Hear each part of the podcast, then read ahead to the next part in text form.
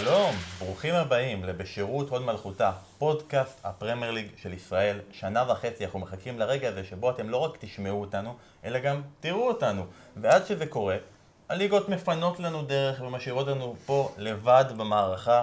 לא עוד שרון אנחנו חייבים לקצר, לא עוד אסף, עזוב אותנו עם הפינת צ'מפיונשיפ שלך, יש לנו עכשיו את כל הבמה להגיד הכל על שום דבר. מי שרואה אותנו, דרך אגב, אנחנו ככה גם עם ז'קטים תמיד גם בפודקאסט, תמיד. תמיד הקלטנו גם באולפן הזה. כיכר, לא כי רציתי בשפע. אנחנו גם רגילים להיות ללא קהל והכל. אווירה קצת שונה, ברוח הקורונה אנחנו מקווים שכל מי שנמצא בבידוד, כל מי שנמצא כרגע בבית עם הילדים, כולכם, שתהיו בריאים ושהכול יהיה בסדר. אנחנו רוצים קצת להנעים את זמנכם בתוך התקופה הקשה הזאת ולדבר על התקופה הקשה שלנו שאנחנו עוברים כבר 72 שעות בלי, בלי הסם הזה בתוך היד, בתוך הדברים שלנו, ואנחנו צריכים עכשיו לדבר על כל מה שקורה בליגה הטובה בעולם, אבל קודם כל, אני בן פורגט ואני רוצה להציג, אסף כהן, תגיד לי, כמה נייר טואלט יש לך בבית? לא מעט, לא מעט, אהלן. אה, קנינו וקנינו, לא סתם, אני באמת לא מבין מה הקטע עם הנייר טואלט. כלומר, תקנו אורז, תקנו פסטה, טונה, לא רע בכלל. מה נייר טואלט? זה המקום האחרון שבו אתה יכול לברוח בבית. זה גם היה לפני, אבל עכשיו, שכולם בבית כל הזמן, רק לשם אתה זה, אז, אז באמת שנייר טואלט זה, זה מצרך הכרחי. זאת אומרת, יש עובדים חיוניים ויש מצרך חיוני. אתה אומר, כשיגיע, הבידוד שלך, אתה כבר החלטת באיזה חדר הוא הולך להיות. אני מקווה ש... ש... ש... שזה, שזה רק לשם נגיע, מה שנקרא. מזכיר לי אולי את אה, משה המבודד אה, מהעולם הערב, צריך להחזיר אותו לחיים. בתקופות קשות תמיד חוזרים כן, לעולם כן, הערב. שרון דוידוביץ', משרד הבריאות התקשר ואמר שאתה פסימי ומוריד את המורל הציבורי, מה קורה? לא, לא יודע איך הגעתם למסקנה הזאת, אה. אה, מהימים המאושרים, דרך אגב, בחיי, אני נורא, נורא נהנה בסך הכל בכללי מכל מה שיש.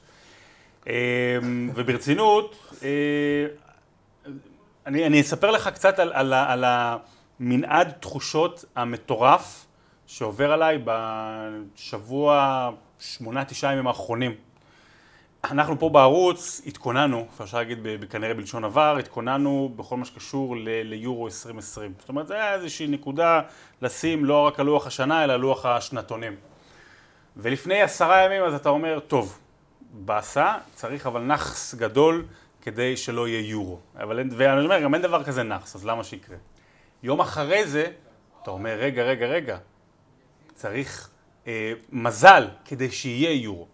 אחרי זה אתה אומר, טוב, אין סיכוי שיהיה יורו במצב הזה.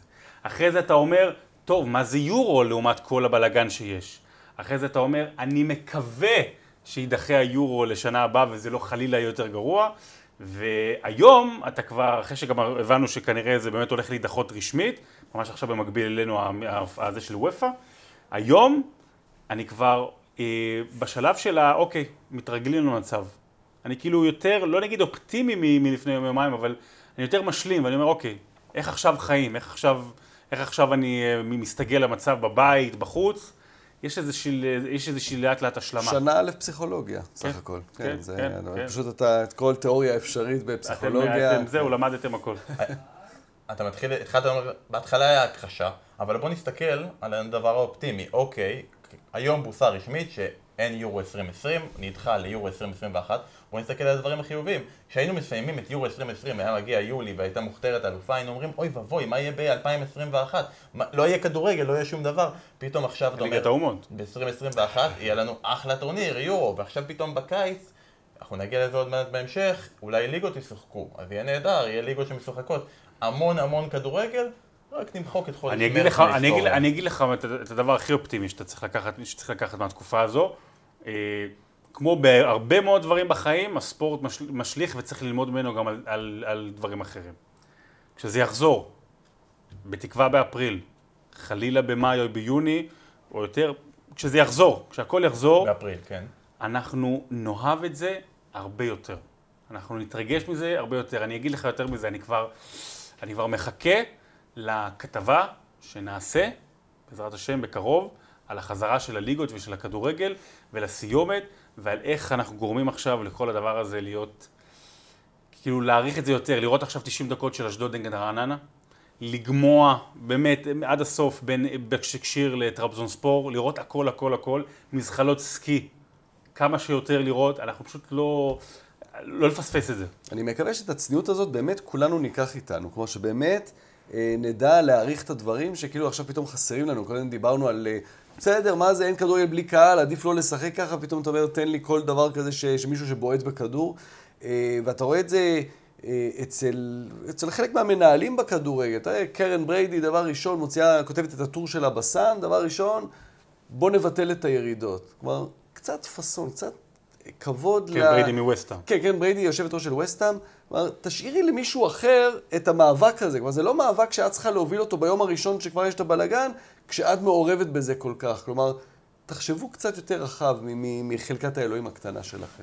אני חייב להגיד לך שאתה לא חייב להתגעגע, אגב, לבשיקטאש, נגיד טרבזונספור. אתה יכול להמשיך לראות את זה אצלנו, שידורים ישירים נכון, בספורט נכון, אחת, נכון. ליגה טורקית, ליגה טורקית בכדורסל. זה עדיין יש. מזל שזה עדיין איתנו, ואתה הולך, אני מחכה לכתבה על חברת הליגות. תחכה לכתבה על ניל מופי מברייטון, תפסיק לחשוב עליהם בגדול, תתחיל לחשוב בקטן.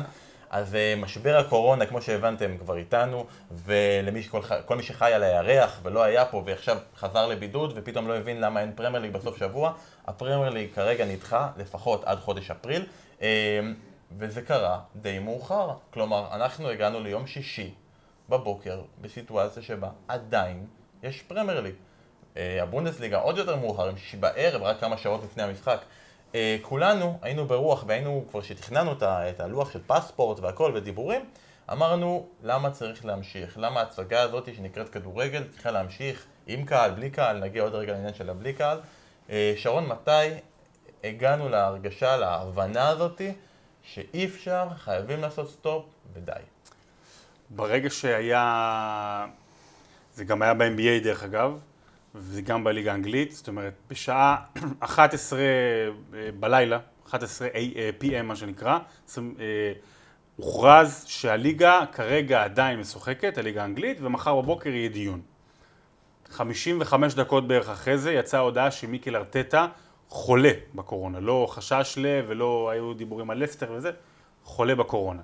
שם ידעת שבסדר, זהו. באותו הלילה גם הצטרף אה, קולומוט סטונודוי. נכון, מצ'לסי. תראה, בסופו של דבר, ביום, כאילו אפשר, יש לנו הרבה דיונים לעשות, ואפשר לעשות הרבה דיונים, ועם קהל ובלי קהל וזה. ביום שזה מסכן אה, בריאות של אנשים, אז כל הדיון הוא בטל בשישים. אה, ואנחנו לא יודעים מה המחלה הזו עושה, ואיך היא גורמת, ומה היא עושה, ועוד הרבה הרבה דברים. הנגיף הזה, הווירוס, לכן ברגע שזה פוגע בשחקנים, אין מה להמשיך. אתה גם הרגשת אותו דבר? אתה ביום שישי שעדיין היה אווירה של אולי זה כן יקרה. הרגשת שזה הדבר הנכון לעשות? אתה יודע, אנחנו כל הזמן מדחיקים וניסינו להדחיק את העניין הזה שמה, אין דבר כזה עולם בלי כדורגל. אנחנו, כל ההוויה שלנו כאוהדי כדורגל, כאנשים שמתעסקים בזה, שעובדים בזה, אה, בספורט בכלל, לא רק בכדורגל, זה שלנו, אה, ואתה יודע מה, כשקוראים דברים גדולים כאלה, אתה תמיד הולך לתנ"ך, איש דתי הולך לתנ"ך, ואנחנו אנשים דתיים בכדורגל, הולכים לתנ"ך שלנו, אז אתה מסתכל על קדחת המגרש, הספר של ניק הורנבי, לא במקרה הבאתי אותו היום, גם שנעיין בו קצת. אה, וכבר ניק הורנבי הוא זה שבעצם היה הראשון, או אחד הראשונים לדבר על זה, שלנו, כאוהדי כדורגל, יש את לוח השנה שלנו. כלומר, אה, אנחנו לא חיים ב-2017, או ב-1986, או ב-1994, אנחנו חיים ב-18-19, ב-13-14. זוכר מה עשינו אז ב-12-13, איזה אדיר היה. ואתה יודע שביולי מתחילים משחקי הכנה ומשחקים, ויש את חלון העברות ואיזה פגרה בחורף, ואז חוזרים לקראת ההכרעות באפריל-מאי.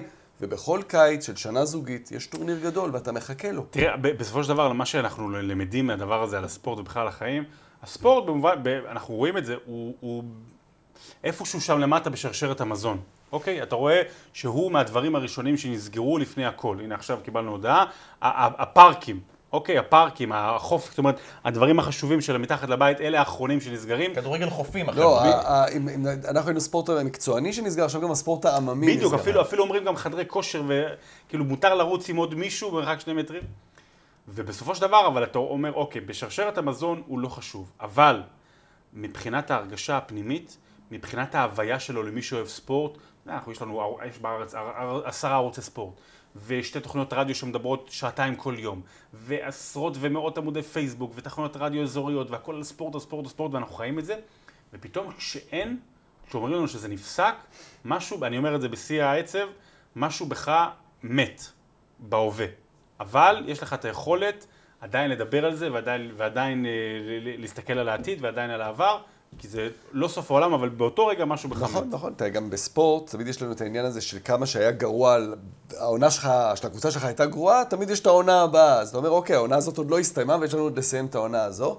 ואם כבר אתה, מה שאתה מדבר פה על, על מה שאמרת עכשיו, יש את המשפט המפורסם של צ'רצ'יל, שאמר בזמן המלחמה, כש, כשחיפשו, הבריטים חיפשו מאיפה להביא כסף, כי נגמר הכסף למלחמה, אז היו שרים שהציעו לו, אוקיי, לקחת את הכסף מהתרבות ומהחינוך ולשים אותו בכלי מלחמה. והוא אמר, אז בשביל מה אנחנו עושים את זה? בשביל מה אנחנו חיים? אה, בשביל מה אנחנו חיים, אם לא בשביל התרבות, בשביל ה... וספורט כמובן זה חלק משמעותי מאוד בתרבות.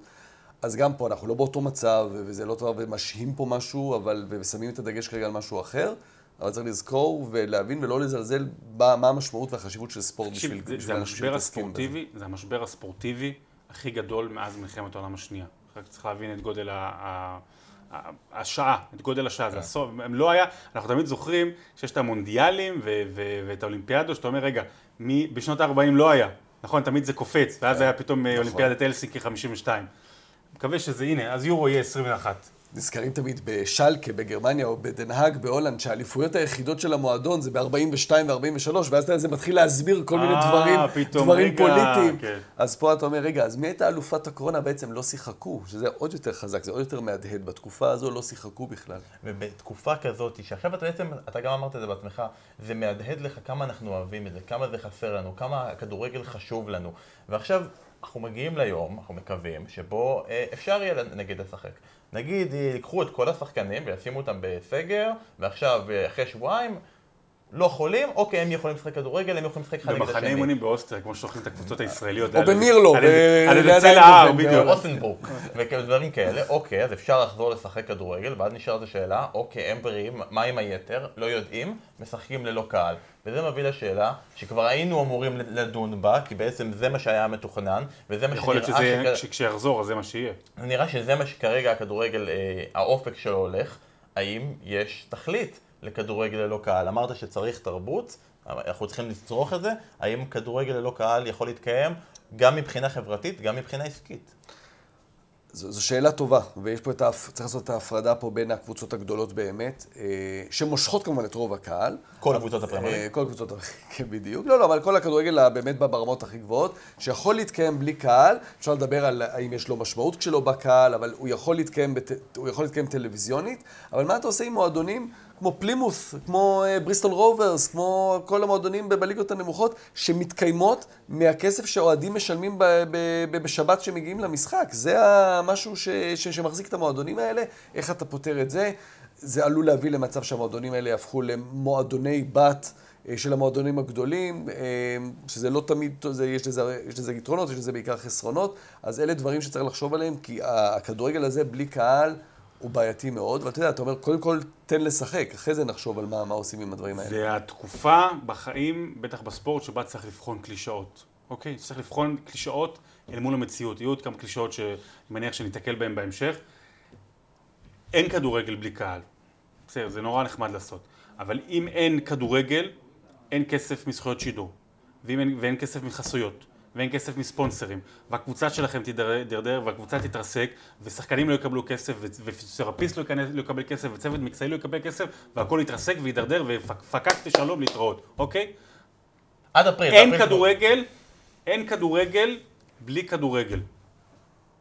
אין כדורגל בלי כדורגל, זה המשפט היחידי שהוא כרגע הנכון. נכון שלאורך זמן, אם זה יימשך הרבה זמן, אז ייפגע והמוצר והכל, אבל אם צריך לשחק כדורגל, ואפשר לשחק כדורגל בלי קהל, אז אפשר לשחק כדורגל. אני חוזר לתנ"ך, לניק הורנבי, שמתחיל את הספר שלו בעניין הזה של אוהדי כדורגל, יש להם את העניין הזה שזה אפילו לא מחשבה, זה איזשהו זיכרון. הוא מתחיל את התיאור שלו, שהוא שוכב בבוקר, ביום בוקר יום ראשון, עם החברה שלו, שוכבים אחת ליד השנייה במיטה, שואלת אותו על מה אתה חושב, אפילו לא חושב, הוא מדבר, מדבר על, על הגול ההוא של אלן סמית שעובר לו בראש, הוא זוכר אותו. וזה החיים שלנו, אנחנו תמיד זוכרים דברים גדולים, ויש את האירועים הגדולים, ואיפה היית, אה, ואתה זוכר, מדברים על הגול של הגוורו ההוא, ועל הגול של הקבוצה שלך, וזיכרונות, וההרכב של אינטר ב-98, ודברים כאלה. ואנחנו מחכים לעוד זיכרונות, כן? כלומר, זה לא משהו שנגמר ואנחנו חיים רק מהזיכרונות שלו, אנחנו גם חיים תמיד מהציפייה של מה יהיה בשבוע הבא, ואיזה דבר גדול יקרה בשבוע הבא, איזה גול מדהים אה, ז'ירו יפקיע, או איזה 9-0 יקרה ב- ב- בשבוע ספציפי, או כל מיני חוויות שיקרו, והציפייה לזה מכריחה בעצם, מחייבת את החזרה של הכדורגל בכל מחיר באיזשהו שלב. כלומר, לא, לא אומר עכשיו מחר, אבל גם אם זה יהיה בלי קהל באיצטדיון בשלב ראשון, הוא חייב לחזור. והוא יחזור, כי אנחנו ננצח במרחק של שני מטר אחד מהשני, אבל אנחנו ננצח ויהיה בסדר. יש כמו קבוצות שזה של ארסנל. אה, זה לא בעיה בשבילם. זה הגנה של ארסנל. ריווחים, טוב, הם צפו את זה, את כל העניין הזה, ואז אנחנו כבר בישרנו ואמרנו, יורו 2020 לא מתקיים, נדחה ליורו 2021, ואז נשארת השאלה, מה הליגות עושות? אנחנו לא יודעים עדיין מה היה ההחלטה של וופא לגבי ליגת האלופות ולגבי אה, הליגה האירופית, נשמע אולי את זה בהמשך, אבל אה, כבר אז, כבר בתחילת הישיבה הבנו שהיא תיתן לכל אחת מהליגות להחליט לעצמה מה שהיא רוצה לעשות, מי שירצה לסגור יקבלו את האלופה כמו שהיא, מי שירצה להמשיך ייתנו להם את הצ'אנס, וכל אחד יכול לבחור מה שהוא רוצה. ואנחנו בתור בשירות הון מלכותה צריכים להבין מה אנחנו רוצים שיקרה עבור הליגה האנגלית, מה אנחנו רוצים שיקרה עבור אה, ליברפול, האלופה שחיכתה לזה 30 שנה והגיעה כמעט, היום יום שלישי, ביום שני אם סיטי הייתה מפסידה לברנלי, ובוא נגיד עולם היפותטי, כי היא הפסידה לברנלי, יש מצב שאתמול ליברפול זכו באליפות. אין דבר כזה נאחס. באמת? אין, אין, אין, באמת, יכתבו על זה ספרים וסיפורים ושירי הלל על, על מה שקרה באמת לליברפול. המחשבה הזאת ש-30 שנה אתה מחכה, ולא ליד, ולא כמעט, ולא כחודש לפני, ו- וכנראה במחזור, במחזור לפני שהיא זוכה באליפות, אה, שלקחו לה את זה, כרגע זה פשוט נראה הזוי. תראה, יש, יש בעיקרון שלוש אופציות אה, ריאליות. אה, הראשונה היא כזו, שברגע שחוזרים, בתקווה באפריל, חלילה במאי-יוני, אז בעצם אה, ממשיכים מאותה נקודה, כי עכשיו יש קצת אוויר יותר לעשות. לגבי הנקודה הזאת, אם זה באמת קורה ככה, לדעתי מה שצריך לקרות זה שלתת חשיבות מרכזית ועליונה לסיום הליגה. אם זה אומר אה, לבטל את הגביעים המקומיים, בטח ליגה, גביע ליגה, וגם גביע אנגלי, וגם, אתה יודע, גביעים בכלל בכל הליגות, וגם אם זה אומר לבטל עכשיו את ליגת האלופות ואת הליגה האירופית. אם זה אומר. יכול להיות שימצאו איזה פתרון של טורניר שבוע, אבל חייבים להתחיל ולסיים את זה ברמה האופטימלית הקרובה ביותר לכך שהעונה תסתיים, וגם אפשר יהיה להתחיל את העונה הבאה בזמן אה, שאנחנו מכירים. ולא דווקא בגלל ליברפול, לא בגלל האלופה. כלומר, היא בעצם, בעצם הדבר, ברור שחשוב. שתהיה, שתהיה הכרעה ושיהיה ברור שלעונה 19-20, ברור וכולם יודעים מי יהיה האלופה. אבל מי הולך לאירופה, יותר משמעותי מי יורדת ליגה, זה, זה, זה דברים של... מי של- שורדת, זה, זה- זה דברים זה- של זה חיים ומוות למועדונים. האלה. קבוצה כמו בורנמוס, אם היא יורדת ליגה, יכול להיות שעוד. שנתיים אנחנו רואים אותה בליג 2, כלומר זה ברמה הזו. אה, ומבחינת עליית ליגה, לידס יונייטד, הם כבר כל כך הרבה שנים שופכים כל כך הרבה כסף על העוד ליגה, אם זה לא יקרה השנה, מי יודע מה יהיה? אז אתה יודע, אולי ליד זה מועדון מספיק גדול, אבל מי יודע? לא, אבל זה באמת, אז זה קריטי, ואפרופו קלישאות, זאת אומרת, כשאומרים שהליגה זה הלחם והחמאה, אז בוא נחשוב שנייה על ה... זה לחם וחמאה, כי אתה באמת, אתה באמת, זה, זה מה שמקיים אותך, זה מה שסוחב אותך קדימה, לכן לליגה יש חשיבות רבה מכל הדברים האחרים לסיים, גם זו הסיבה שבאופן החליטו, בהחלטה נכונה ומאכזבת עבורנו, אבל נכונה לדחות את היורו בשנה, זה אחד. שתיים, יש אופציה של אה, לבטל. של לבטל, תלוי גם מתי יחזרו, אבל ברמה של לבטל את העונה הנוכחית. ולמי יש את האינטרס הזה אגב באמת? למי יש את האינטרס? אני- לבטל. ברמת העיקרון, ברמת העיקרון לאף אחד. לאף אחד שהוא נורמלי, כי תחשוב על עבודת למאנסטר יונייטד יש לא. אינטרס לבטל. לא נכון, כי היא קרובה לליגת אלופות. כן, אבל היא יכולה למנוע מליברפול אליפות. 30 שנה הם חיכו זה, לזה. אבל זה אתה מדבר לא, ברמת אתה- האוהדים זה שלאף אחד בוודאי שלא. לא- כלומר, יש לך קבוצות שיכולות לרדת ליגה, מבחינתן, תן להם עכשיו את ההבטחה שהם נשארים. בליגה, מבחינה כספית. אבל זה אני מדבר על את 2 שלהם. 3 ברמה האמיתית שזה, זה 2-3 קבוצות לדעתי, כאילו לא, שאומרות... אתה בוא- מבטיח ל-6-7 את המקום שלהם, בלי קשר למה יקרה נכון, הלאה. עכשיו- קבוצה כמו טוטנאם, אם מבטלים את דווקא- הליגה עכשיו, בעונה הבאה שוב בצ'מפיונס, כי הם- הם הם הקבוצה של... ומה זה אומר על השערים? זה אומר ה-17 שערים של ורדי מבוטלים? זה אומר ה-9-0 של אסטר הוא קיים או לא קיים? וויד זה וויד, לא, וויד זה לא. אני שואל, כן, זו שאלה כן, זו שאלה כן. חשובה. אבל עזוב, תחשוב על זה. אז גם אלה קונה שמצליחים... גוארו הוא כבר לא מלך השערים. ואז אפשר, רואה, טוב, ואז הוא לא צריך להיכנס. לספר, הוא לא צריך להיכנס לספר. תקשיב, היה ו... נגיד שאתה, יש לך עבודת סמינריון של 300 עמודים, של עשרות שעות בבית, עשרות שעות בספרייה, רעיונות, מחקרים, נמחק לך מהמחשב. קיבינימט, סליחה על הביטוי, נמחק לך מהמחשב. קרה לי. זהו, אבל לא, לא, סמינריון של 300 עמודים לא קרה לך. נמחק מהמחשב. כל העבודה של אנשים, גם של ה... פיטרו אותו בסוף, אבל גם זה שעושה את ההוצאות חוץ בליברפול, נכון? אתה יודע, הוא גם חלק, או גם היה לו חלק בדבר הזה. כל הזמן נוגע עם הידיים, הוא לא, הוא עבר. לאייקס, הוא עבר לאייקס. אבל זו אפשרות שנייה, והיא קיימת, והיא, זה תלוי מתי הצליחו למגר את, ה, את העניין. ואופציה שלישית, וזה באמת תלוי איך זה יסתיים, ויכול להיות שאם זה יסתיים יותר מאוחר, אז אולי לא תהיה לזה ברירה, שתהיה עונה מוארכת. מה שנקרא עונה וחצי, שהיא תקבע בעצם אליפות. זאת אומרת, אה, למשל שישלימו את התשעה משחקים באנגליה, ועשרה משחקים בישראל, ואחד עשר בספרד, משהו כזה. זה, ואולי יוסיפו עוד איזה משהו, ויסיימו, ואז אתה יודע, ואז, אה, ואז יהיה היורו הבא.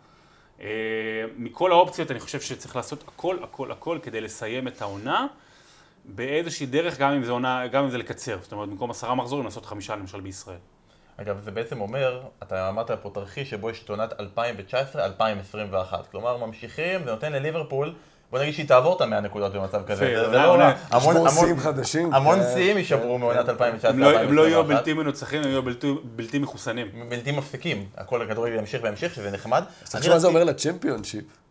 זה הליגה שגם ככה משחקים אותה כמעט כל יום. 46 משחקים בעונה. ליגה- לא ליגה כל- עם 100 משחקים, זה יהיה מדהים. NBA. אה, זה כמו בבייסבול, לא? בבייסבול זה בכלל. משחקים איזה... והם משחקים בארבעה כן. משחקים באותו לילה. במקביל. אה, יש את התרחיש הזה שרציתי להביא לכם, שזה קצת מוזר להגיד, שכולנו גם מתים, בתור... שכולנו מתים. לא, לא, אין תרחיש כזה בכלל, הליגה חוזרת באפריל. יש את התרחיש הזה, שמוזר לי להגיד לכם בתור פוד אנגלי, להביא אה, דוגמאות מארגנטינה. כלומר, להגיד, לא רק ארגנטינה, שהם יריבים מרים שלנו, נסתער דור הופמן, אתה, אתה חבר, אבל גם לרוב יש להם את הליגות הכי הזויות שיש. אבל יש להם את האופציה, ליגה שהם אני מסמן על ארגנטינה, כן? אני אה, בטיסטוטה. באתי אותו פה, אנחנו פה גם אוהבים, אותו, גם כן. אותו ספציפית אנחנו אוהבים. אבל הוא לא נכנס בצטוט. הארגנטינאים הגדולים שלנו, שאתם יכולים למצוא בספוטיפיי ובאפל ובכל דבר שאתם רוצים. אבל מה שרציתי להגיד לגבי ארגנטינה, זה שיש להם את האופציה לבוא, אוקיי, בוא נסיים את העונה הזאת, בתקווה באפריל, ואז לא יהיה בעיה, להשלים תשעה מחזורים מאפריל עד יוני, ו... עד יולי אפילו. לא, זה- יש את העניין של החוזים, אתה רוצה לסיים עד לא, 30 זה ביוני? דברים שאפשר לטפל בהם יותר בקלות, כלומר, אה, להאריך את החוזים, חלון העברות לשנות אותו. כן, דברים כאלה, ואז יש את האופציה של נגיד, אה, נגיד לא חוזרים באפריל, עדיין, ממש מקווה שלא, חוזרים במאי, ואז מתחיל להיות הבעיה. אה, למשוך, לעשות את העונה הזאת, לסיים אותה, ואז עונה הבאה, לעשות עונה קצרה. כלומר, לא חייבים, אמנם התרגלנו, אמנם לכל דבר אמור להיות אה, משחק אה, בית חוץ, לא חייבים בית חוץ, אין גומלין לכל דבר, 19 מחזורים בליגה האנגלית, או כל מיני דברים כאלה, בליגה הישראלית אפשר לבטל את ה... אני חושב. שהליגות, אה, זה נכון מה שאתה אומר, וזה ייתכן, הליגות צריכות להישאר פלוס מינוס אותו דבר, אבל כל מה שקשור לגביעים, גביעים מקומיים, משחקים חוזרים, אה, משחקי גומלין, בית חוץ, זה כבר התחילו לעשות את זה בכמה מדינות, וגם ליגת אלופות, זאת אומרת, אופ"א, שיהיה בהצלחה לבן אדם שיודיע לארסנל שאת הדרבי היחיד בעונה נגד טוטנאם הם משחקים בחוץ, ולהוא שצריך להודיע לליברפול שאת המשחק היחיד שלהם נגד מנצ'סטר יונייטד הם משחקים באולד טראפורד. אחד בעונה וזהו. אני מסכים עם שרון. תבטל את כל הדברים שמסביב, הליגה תשחק אותה כמו שצריך. בעוד עונה שלמה. טוב, תמיד אתה אומר לי אופציה של חצי עונה מול. אופציה של עונה שלמה, קנית אותי, לקחתי. אז בוא נחזור רגע באמת לליברפול. אמרנו למה לה יש את האינטרס המוחלט כמובן, למה יש קבוצות אחרות שאין להן אינטרס שהיא תזכה באליפות, אה, או להמשיך את העונה הזאת, למה יש קבוצות שיש להן אינטרס לבוי. אני רוצה לשאול מבחינה מנטלית של האנשים שנמצאים כרגע בליברפול, והאוהדים, השחקנים, הצוות, הם היו כל כך קרובים, שרון, הם היו כפסע. סף, הם היו כבר שם, כבר זה נחרץ. הם כבר שם, זה לא, זה לא הם היו שם, הם כבר שם. כלומר, אתה רואה, תמיד יש את, דיברת קודם על קלישאות כדורגל. אפילו היריבות כבר לא משתמשות בקלישאות של כל עוד זה פתוח, יש סיכוי ואנחנו מאמינים. הם כבר ויתרו, הם כבר הניפו את המטפחות הלבנות, זה כבר ברור. גם ליברפול, בטיעונים שלה, כששואלים אנשים מהמועדון על מה צריך לעשות, האם לסיים, כל, כל, כל הסוגיה שדיברנו עליה עכשיו, מה לעשות עם העונה הזו, הם פונים כל הזמן לספורטינג אינטגריטי, לפייר פליי.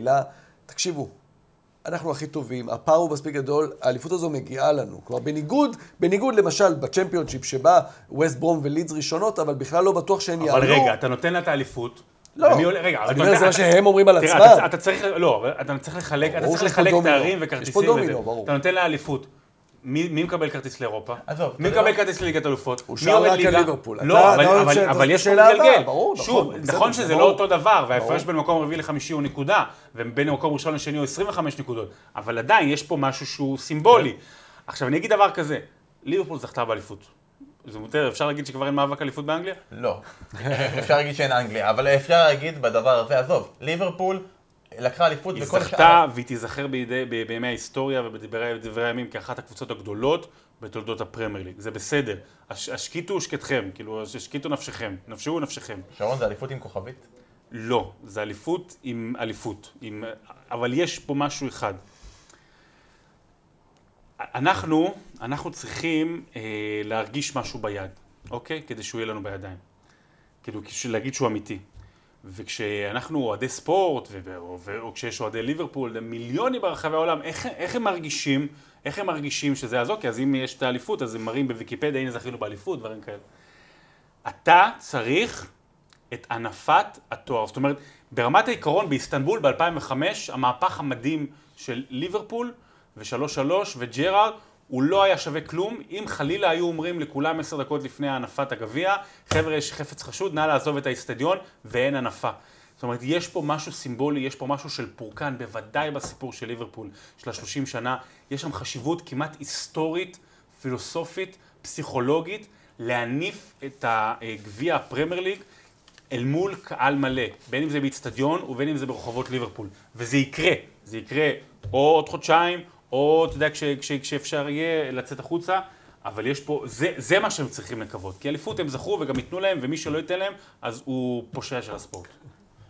וטוב, וסוף סוף גם כיף לקבל את שרון אופטימי ואומר זה יקרה וזה יהיה, אני רוצה רגע לקחת את הכובע הפסימי ואנחנו מדברים על הקתרזיס הזה שחייב להגיע. לא- המונדיאל בקטאר-זיס. המונדיאל בקטאר-זיס, אולי גם זה יבוטל ויידחה, לך תדע מה יקרה.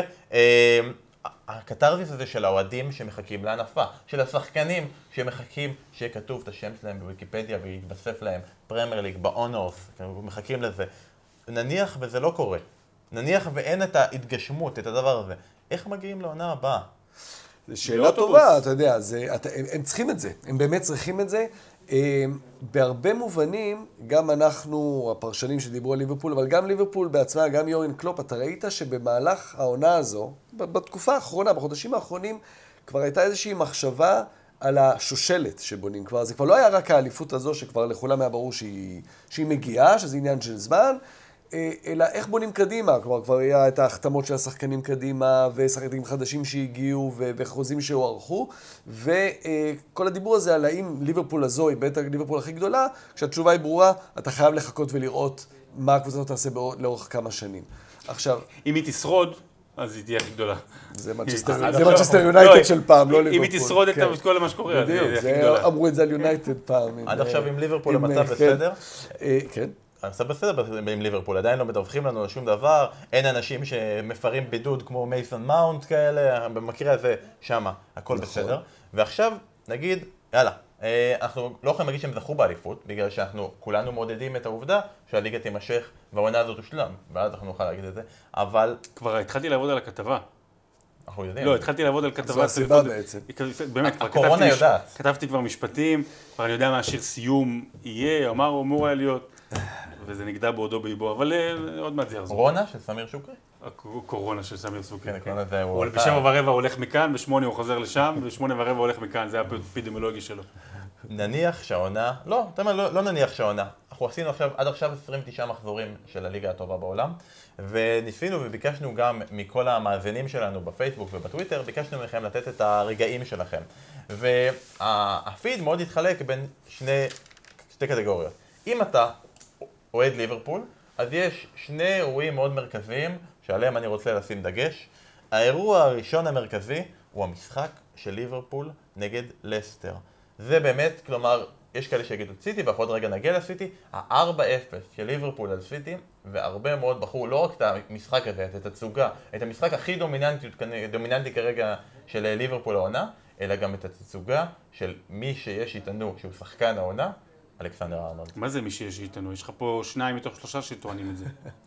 למה מתוך שלושה? אה, לא שלושה מתוך. שלושה? לא, לא שאלת אותי, אנחנו נחכה עם זה לפרק הבא, אנחנו נג- נגלה את זה. אבל המשחק הזה, זה רגע העונה של לא מעט אנשים, כן, זה גם, זה גם רגע העונה שלך, שרון? 4-0 על אסטר? כרגע, כרגע העונה בפרמייר ליג או רגע העונה של ליברפול?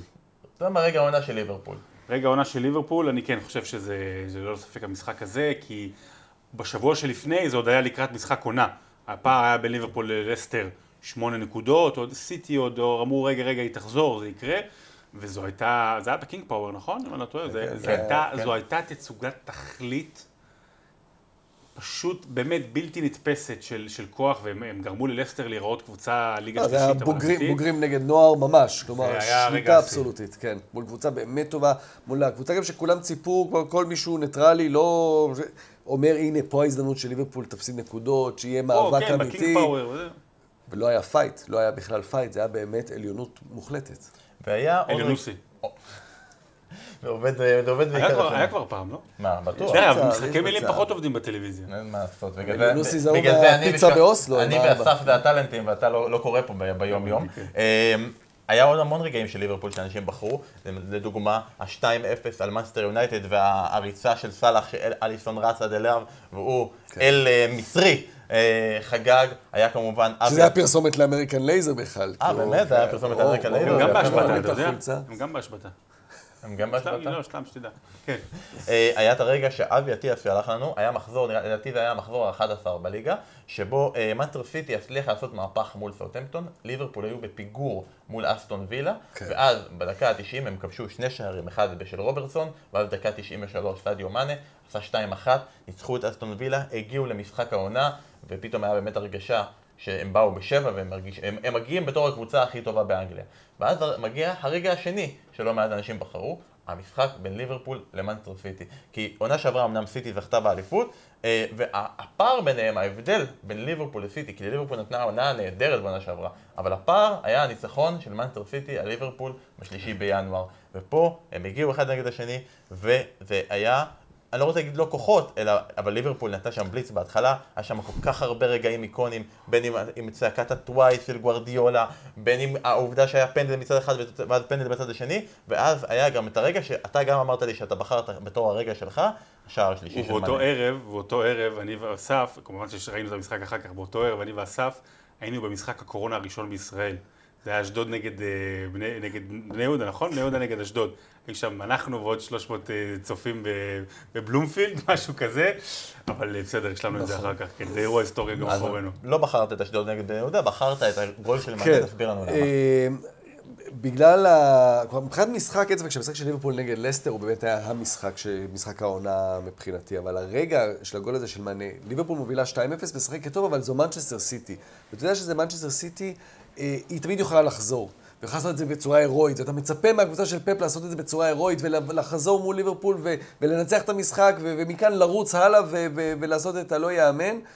ואז, אה, והתחילה המחצית השנייה, וזה היה נראה שסיטי הוא באמת בכיוון הזה, ואז סדיו מאנה עושה את ה-3-0, ובאמת סוגר עניין. זה רגע אחד שבו היה ברור, זו העונה של ליברפול.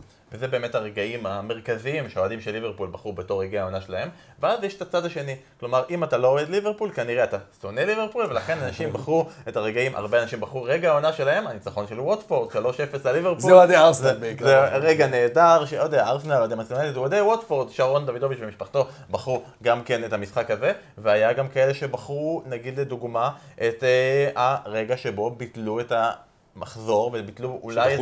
העונה. דחו את הליגה במחזור שבו ליברפול אמורה לקחת את האליפות הראשונה מזה 30 שנה. כלומר, איה סורק אמרה שבאמת זה הרגע, הרגע שלה, ואם אתה שמים את ליברפול בצד, יש כאלה שבחרו כרגע העונה שלהם את פתיחת העונה של טיימו פוקי. טיימו פוקי שפתח את העונה וכולנו אמרנו בואנה, הוא לגולדן בוט, וכמובן, עשרות, אם לא אלפי משחקי הצלחנו מילים להגיע עם. משחקי המילים גם לאמריקה, היינו ב-Men in Blazers, נכון, נכון? נכון, ב-Man in Blazers נכון, הצלחנו נכון. להגיע, תודה לדייוויד אה, ויינסטיין. חוץ מזה, זה יש... לא הוא מגרון עמוק. דיוויד המאזין הגדול שלנו. יש כאלה שגם בחרו את הניצחון 9-0 של לסטר על סאוטמפטון, שזה הניצחון הכי גדול בפרמייר ליג מאז מנצ'סטר יונייטד אז, והיה גם מישהו שבחר דווקא את הניצחון 2-1 של סאוטמפטון על לסטר, זה הרגע שלו, בן אדם נקמן, כאילו, יפה, לא, זה משחק, דווקא משחק שהראה על אה, נחישות ואופי של מועדון שבא למשחק מול מול הקבוצה שהשפילה, אפשר לבוא בפחד גדול מאוד. כלומר, זה סרטמפטון מול לסטר, הפערים הם לא 9-0, אבל אה, אתה בא באיזה חשש כזה של מה, שהם עשו לנו פעם שעברה, אני יכול רק להפסיד מהמשחק הזה, אבל כמו ספורטאים אמיתיים, באמת, שבאים ואומרים, אומרים, לא, אנחנו לא באים פה למזער נזקים ולהוציא את ה-0-0 או להפסיד 1-0 קטן, אלא באמת לנקום בגדול, וזה מה שהם עשו. הניצחון הזה, ה-2-1, זה, זה, זה, זה, זה, זה באמת סגירת מעגל יפה. יש שני רגעים גדולים בעונה הזו. הראשון הוא ביל שרפ, מחזור ראשון, כובש לשפט יונייטד. כאילו הסיפור הזה, שמי שמכיר, ודיברנו על זה הרבה פעמים, עם הטרגדיה האישית, והבן, וה, והאיש שכבש בכל הליגות הנמוכות באנגליה, ואז כובש גם בפרמייר ליג, יש בו, ושפילד יונייטד בכלל, מה שהפך להיות איתה, עוד לא, מה שנקרא, זה עוד לא הושלם, אנחנו לא יודעים לאן זה הולך, אז אנחנו נורא רוצים שהיא תצליח במשימה שלה, או תגיע רחוק כדי שנוכל לסכם את אחת, באמת אחת ההפתעות הכי גדולות של השנים האחרונות. אבל רגע, הרגע שלי, ואני מודה שהוא גם שלי כי, כי יצא לי לשדר את זה, דקה 91 ו-50 שניות, כשיש שתי דקות תוספת זמן. התוצאה היא 8-0. סנט מרי סטדיום. גשום לחלוטין. שלושת רבעי אצטדיון בבית כבר, לא בחוץ, בבית. 8-0 ללסטר על סאוטהמפטון. כדור ארוך לעברו של ג'יימי ורדיה, והבן אדם הזה, המטורף הזה, פותח בריצה בשעתה כדי לנסות להגיע לכדור, הוא מגיע לכדור, הוא מוכשל, הוא בועט פנדל, הוא כובש את הפנדל, הולך לחגוג מול אוהדי סאוטהמפטון היחידים שנשארו, אתה מלגלג עליהם, צוחק עליהם, אבל היה שם משהו באמת, התשע אפס הזה היה רגע היסטורי, ליברפול כמובן הקבוצה הכי טובה בליגה, אבל לפרקים, בדיוק לשבועות הללו, לסטר הייתה הקבוצה הכי מהנה בליגה, כי אתה יודע מה יש להם ומה הם עשו עם זה. אני נורא נורא התחברתי ללסטר הזו של העונה. כי הייתה יותר טובה. לסטר הזאת הייתה טובה יותר מה... לסטר ההיא, כשהם היו בשיא ולא בעשרה מחזורים האחרונים. בלי קשר, עשית עליה כתבה, ואז משם הכל הידרדר, ולך תדע מה, מה יכל לקרות. שלושה ניצחונות בשני מחזורים. אם היינו מדלגים על הכתבה הזאת. מי, מי, מי היה יודע? יש כאלה שגם הלכו יותר למחוזות ההומור של העונה הזאת, כבר הזכרתי את הצעקות טווייס. של פפ גוורדיולה, שזה היה רגע נהדר. אחד באמת המימים הגדולים שיצאו מהעונה הזו. אגב, מים אדיר ווידאו אדיר שיצא לנו לעלות, אחד הרגעים הגדולים זה שמוריניו, או יותר נכון, העוזר מאמן של מוריניו, מגלה שרחים סטרלינג יכול לקבל צהוב שני, ומוריניו מאדם שקול, רגוע והגיוני שהכל טוב לו בחיים, קופץ בטירוף כדי לצעוק על השופט. אך, איזה רגע, איך אנחנו נזכר, איזה כיף זה כדורגל. איזה כיף הרגעים הקטנים האלה, אתה מבין? אנחנו מתגעגעים לזה שמאמן צועק על שופט. מאמן צועק על שופט. במיוחד למוריניו, עם כל מה שהוא עושה. על זה אנחנו גם כן מתגעגעים, וכמובן, הקרב בין קולין רוני לרבקה ורדי.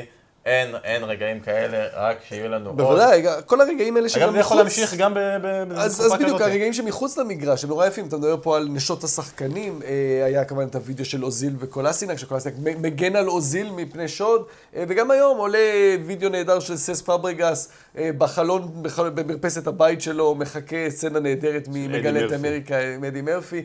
אז הדברים היפים האלה גם ממשיכים לקבל אותם. אגב, עכשיו כרגע, כל עוד אין כדורגל, הקבוצות מנסות למצוא מה לעשות, ואנחנו רואים שבלידס יונייטד משחקים, בזמן שהיה אמרו את המשחק, הם משחקים פיפא בלייב.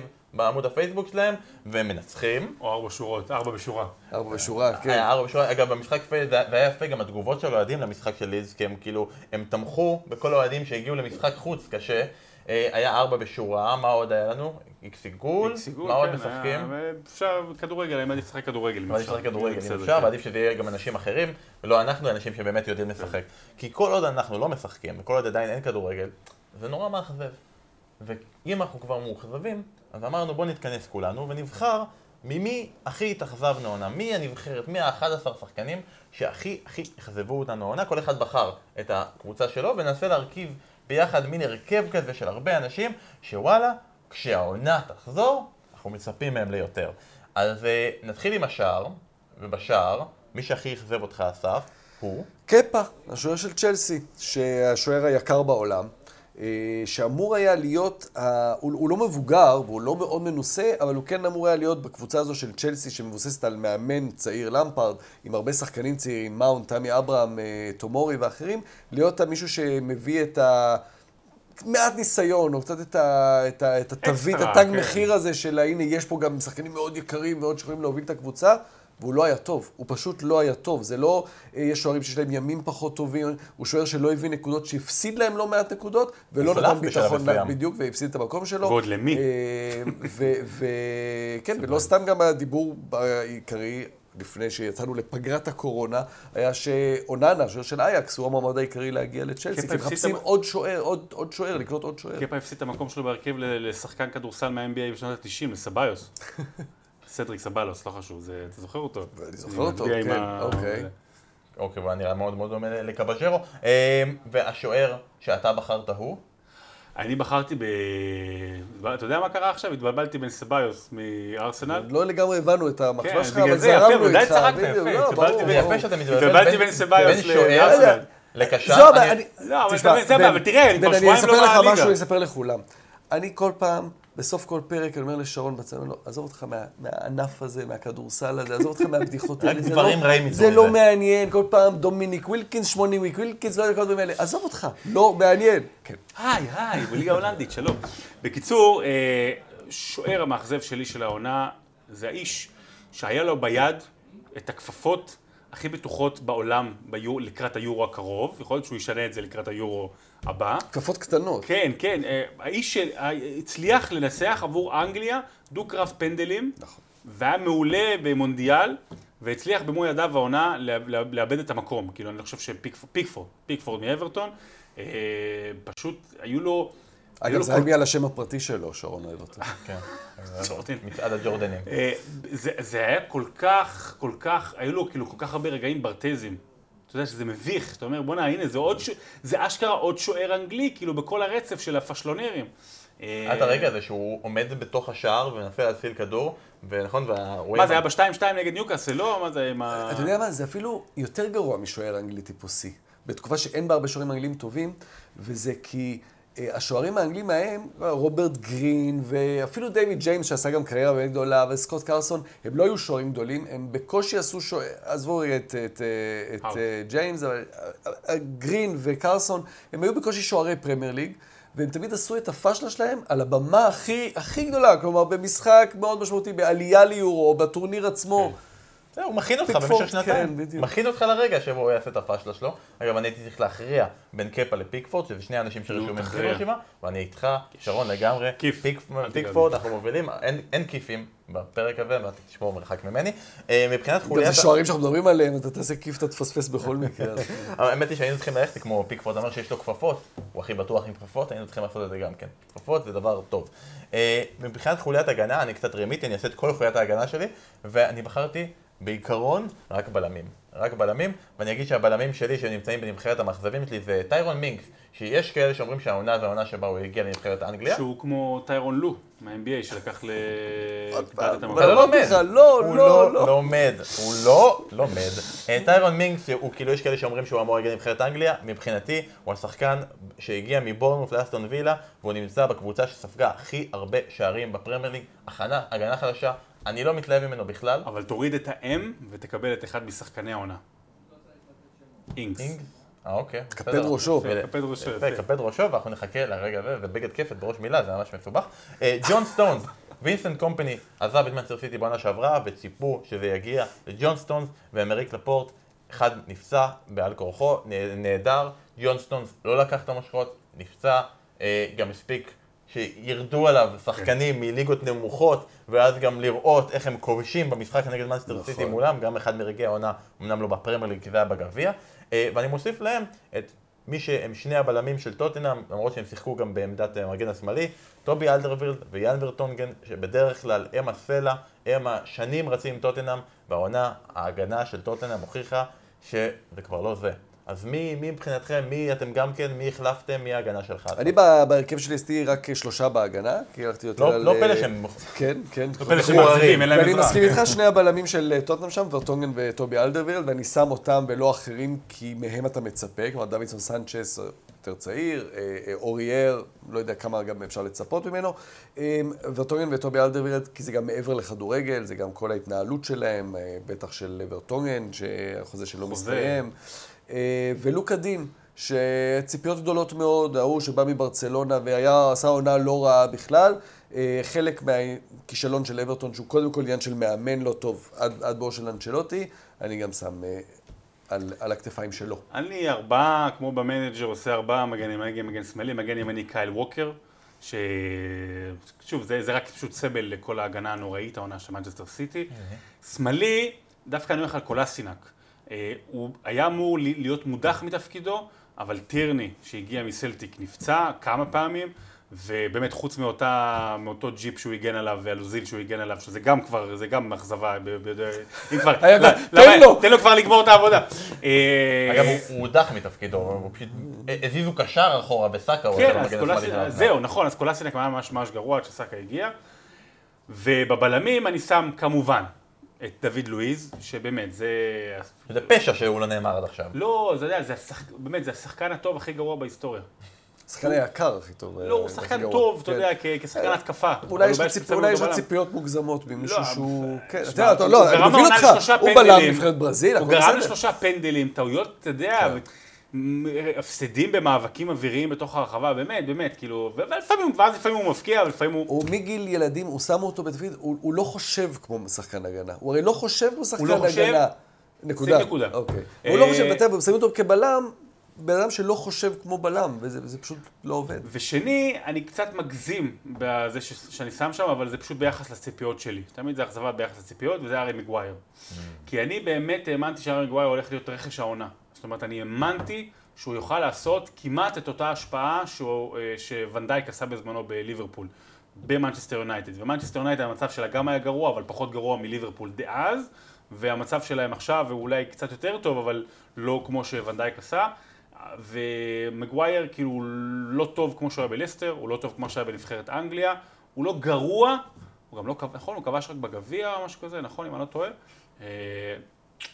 הוא, מבחינתי בנבחרת אה, מאכזבי העונה. אני חושב שאני רוצה רק להגיד על קייל ווקר, אה, שזה גם עוד איזה שיעור בשבילנו. אתם 60 זוכרים. שכשקייל ווקר אה, עבר מטוטנאם לסיטי, היה ציוץ של גארי ליניקר, שהוא אמר, שילמו עליו 50 או 60 מיליון, תחשבו כמה היו משלמים עליו אם הוא היה יודע גם להרים כדור, וכולם צחקו אז על הציוץ הזה, ווואלה, כנראה גארי ליניקר הבין דבר או שניים, כן. כן. אגב, יכול להגיד שמגווייר וואן דייק היו, היה להם השפעה דומה, על חשבון העובר ושב, של מנצ'סטר יונייטד וליברפול, זה היה מאוד מאוד קרוב. אחד, אחד עובר ושב, אחד שני רק עובר. אה, בוא נעבור רגע לחו- לחוליית הקישור, אה, נמשיך איתך שרון ותגיד לנו מי בחרת בקישור האחורי, יש לך קשר אחורי שם? אה, לא, לא קשר אחורי, נכון? לא, רשמתי ברשימה, לא, לא קשר אחורי, אבל כן, אני שם שם את פפה. אה, סטרלינג אני אשים בזה, בינתיים תשאל את אסף, ואז אני אוקיי, אזכר אני- בשלי. אני כי מנסה להבין, "אה, רגע, הנה, רשום לי, רשום לי, הנה. הוא עם שלושה בלמים, הוא עם בלי קשר אחורי, אחר כך אתם מצפים שהקבוצה הזאת תגיע לאנשהו. בדיוק. הקשר האחורי- כן. שלי זה אנדומבלה בטוטנאם, אה, שחקן. שהגיע, הגיע לדעתי ב-55 מיליון יורו, אה, ציפו ממנו, אולי, להמון, אתה יודע, זה קורה, גם לטוטנאם בכלל, הגיע, זה שהוא הגיע בכלל לטוטנאם זה כבר מפתיע לגמרי, ציפו ממנו להמון, אתם יודעים, יש את התסמין הזה שאתה מגיע לפרמייר ליג ולוקח לך זמן להתאקלם, אבל מתישהו אתה אמור להתאקלם, ו- וזה לא קרה, ואתה רואה שגם מאז שמוריניו הגיע, הוא בכלל אה, נהנה לחגוג עליו שבוע אחרי שבוע על הראש שלו, ולא נראה שהם הולכים לצאת מזה, אז אינדומבלה הוא לגמרי לגמרי אכזבה מבחינתי. יש לך גם קשר אחורי? גרנית צ'קה מבחינתי. אה, למרות שהוא הוא אחד הרגעים של העונה, הרגע שהוא... כן, כן, אבל אתה יודע, הרגעים שלהם אתה. לוקח אה, בדיוק, עם סרט הקפטן, עם שהוא מוריד את החולצה.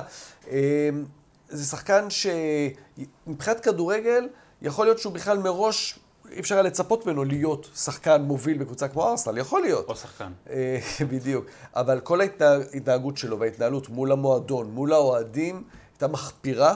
אה, אז, אז דווקא ארטטה שחזר וניסה קצת לה- להשכין שלום, הצליח לעשות את זה, אבל אה, מבחינתי אכזבה מאוד גדולה. אז בוא תשלים רגע, בוא תשלים רגע, ואז אתה תיתן את הקישור שלך. תשלים לי רגע את הקישור אה, שלך. אריקסן אכזב אותי מאוד ב- באופן אישי. כאדם. אדם, כאדם שהוא, אתה יודע, שנים באייקס, שנים בטוטנאם, כמנהיג אמיתי. בשקט, אבל שיודע לחבר את הקבוצה, גם לדבר מחוץ למגרש כמו שצריך, שפשוט רצה לעזוב, לא קיבל את, ה... את מבוקשו, ו... וממש, אתה רואה שהוא הוריד את טוטנאם ביחד עם החוסר הרצון עשה שלו. שביתה איטלקית והלך לאינטר. בסופו ועכשיו של דבר, כן, כן. כן. אה, פוגבה, עדיין, למרות שכבר זה, זה, לא, זה, לא, זו לא אכזבה חדשה, אבל זו עדיין אכזבה, אומר... בפרמייר ליג. יפה.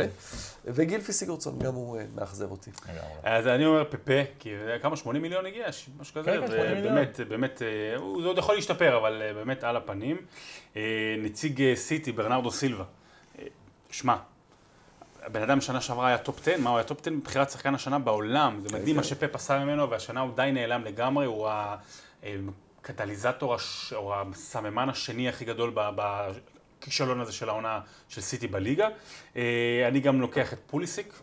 פוליסיק גם לדעתי, עוד פעם, הוא שחקן צעיר בין קבוצה צעירה, הוא לא אמור להיות מנהיג, אבל נוכח העובדה שהוא הרכש היחידי שהגיע למעשה בקיץ, הוא נרכש ב- בינואר שעבר, 60 מיליון, חוץ מ... לא יודע, זה משחק וחצי, אחד פעם אחת הוא עשה שלושה, נכון. על הפנים.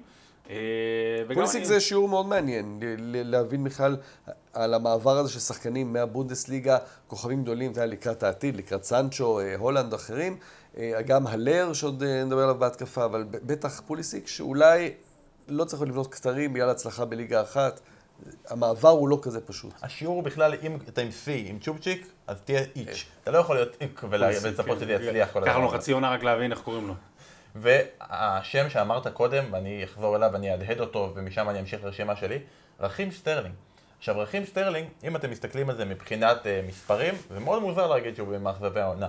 וואלה, הוא כמעט בדו ספרתי בשערים, וואלה, הוא כמעט בדו ספרתי שנינו בבישולים. אמרנו שהוא יהיה יש שחקן לו- העונה. יש, יש כאלה שאמרו, שניים מתוך שלושה שאמרו את זה, הפעם אני יכול להגן על עצמי, לגדר ולהגיד שאני לא, אה, אבל לנוכח הציפיות, ואמרת הציפיות מסטרלינג, בעיקר ברגעים שבהם דה בריינה לא שיחק, וברגעים של סיטי הלך יותר קשה, ואגוארו היה פצוע, והמושכות היו בידיים של סטרלינג, הוא הקשר ששיחק הכי הרבה זמן אחרי דה בריינה, קיבל וקיבל וקיבל, והמספרים כביכול מראים שהוא נתן, אבל הוא לא נתן. הוא לא נתן. הוא לא נתן, לא מבחינת האופי, לא, לא, גם לא מחוץ למגרש. הייתה איזושהי תקופה שפתאום אה, הייתה תחושה שאפשר, יכול להיות שרחים סטרלינג יהפוך ל, לשחקן הכי משמעותי בכדורגל האנגלי בכלל, כמנהיג שנלחם בגזענות, שנלחם באפליה.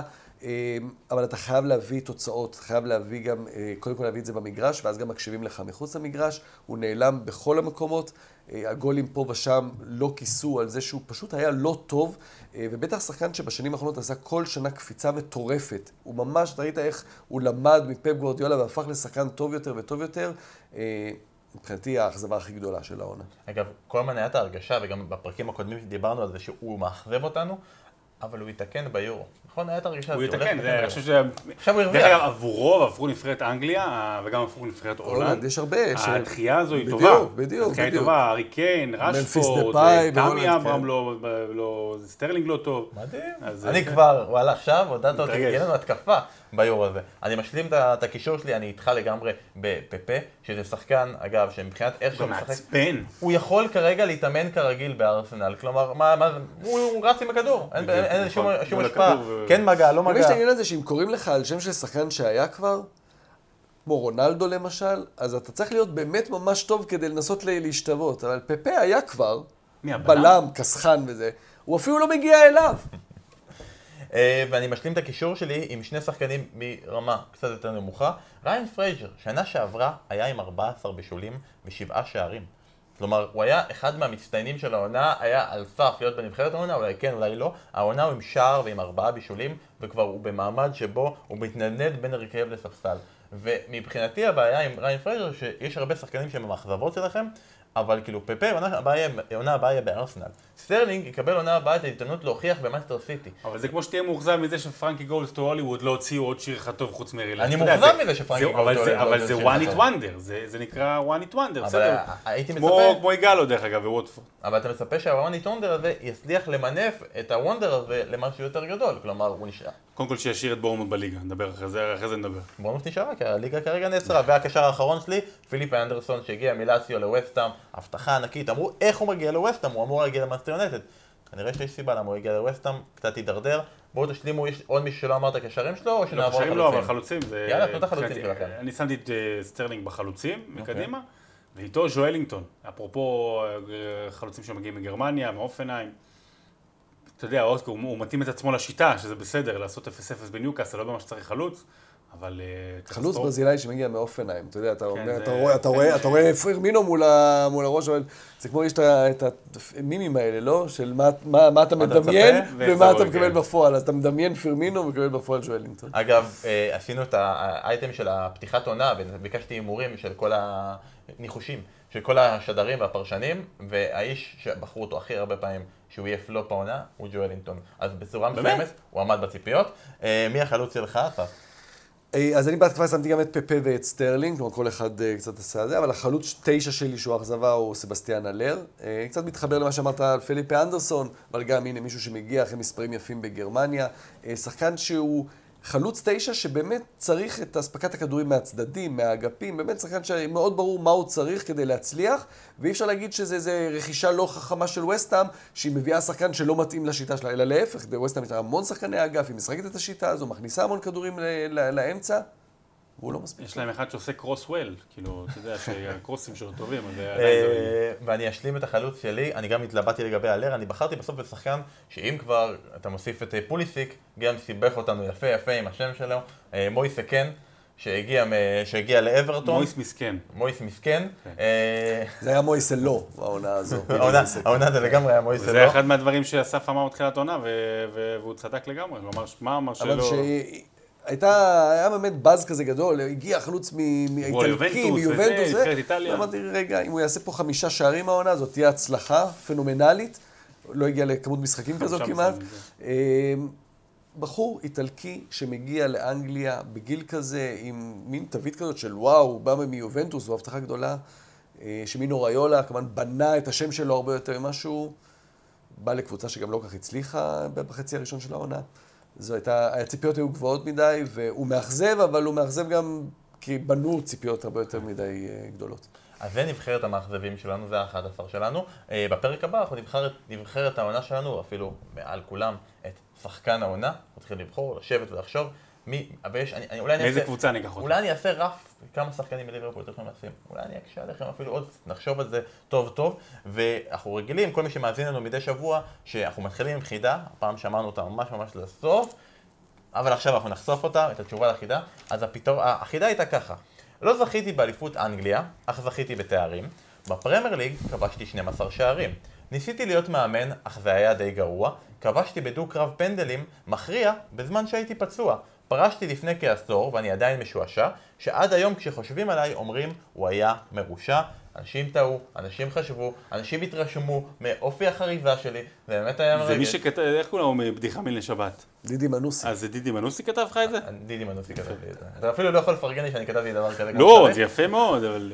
לא סתם שאלת על דידי מנוסי. מדוע? אז תחשוף לנו את התשובה. אוקיי. התשובה היא דידי אמן.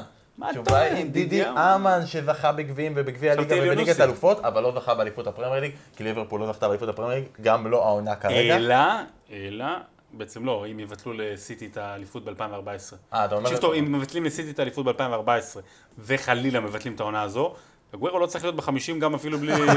שהגדול יש שבכלל בלי קשר. אה, אז אה, דידי אמן ניסה את מזלו באימון MK דונס וסטוקפורט קאונטי. הדיווחים מספרים שבגמר ליגת האלופות שהוא הבקיע את השער נגד מילאן בפנדלים, הוא היה עם בוהן שבורה, וכמובן שהוא היה מרושע כי זה היה רפרנס לפורים, חידת פורים שלנו, עם. אמן הרשע. ועכשיו, מי שיהיה רשע, הוא אסף כהן שמביא לנו חידה חדשה.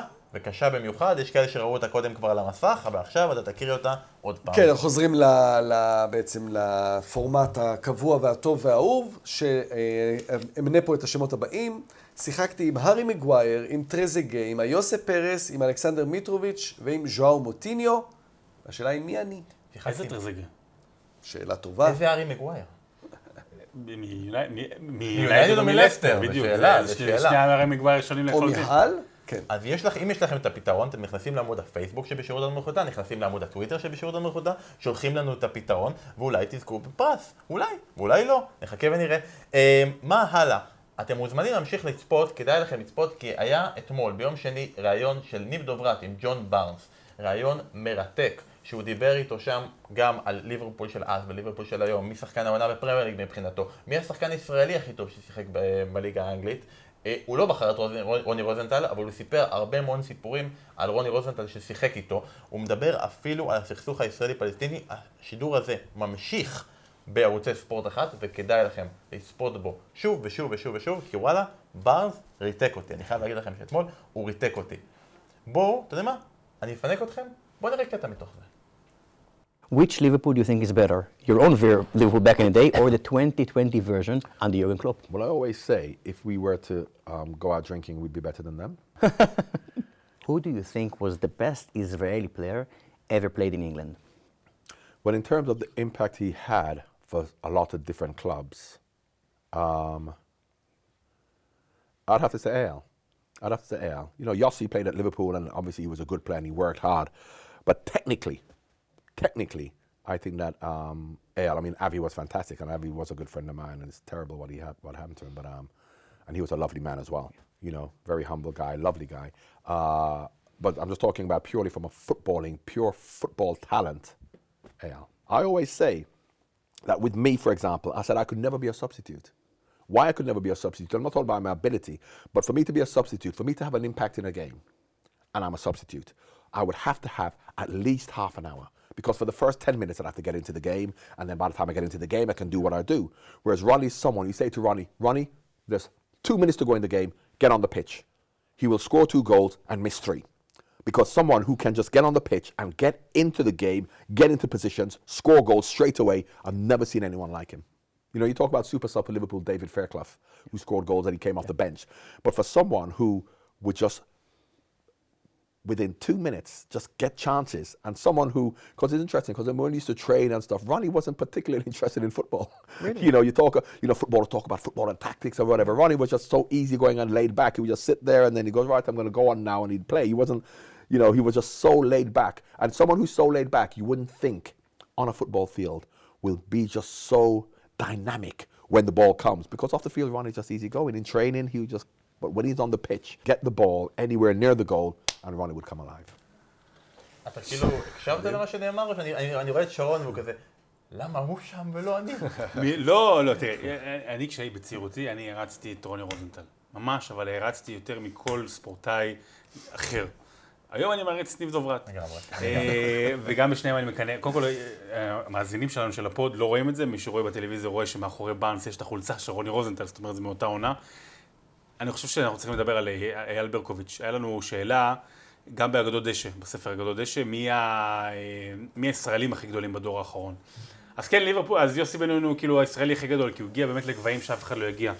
אבל מבחינת הכ- הכישרון, שזה ידענו, ואני חושב שכולם יסכימו, אבל משהו מעניין שג'ון בארנס אמר על ההשפעה שלו על מועדונים, כי ברקוביץ' זכור בקטע שאין אין סיכוי שיש אוהד אה, מנצ'סטר סיטי בן 20 ומעלה, שלא יודע מי זה אייל ברקוביץ', ואין סיכוי שיש אוהד בן 25 ומעלה של וסטהאם והוא לא יודע מי זה אייל ברקוביץ', ובכל 27 מקום? כן, ובכל מקום שהוא היה, וגם סלטיק, שדרך אגב ג'ון בארנס הביא אותו לסלטיק, לאייל ברקוביץ' הוא באמת בשיאו היה בין הטובים ביותר בעולם, במה שהוא עושה, לא בתפקיד, במה שהוא עושה, ב- ב- לבנות משחק ב playmaker של פעם, היו שנים שהוא היה בין הטובים בעולם, אני חותם על זה. לפעמים אנחנו שוכחים, אבל באמת כמה ישראלים, והם עלו פה בשיחה הזו של ג'ון בארנס, הישראלים הבאמת גדולים שהיו בפרמייר ליג, המשמעותיים, זה לא רק הכדורגל, אלא הם היו משמעותיים גם, הם השאירו רגעים, זיכרונות.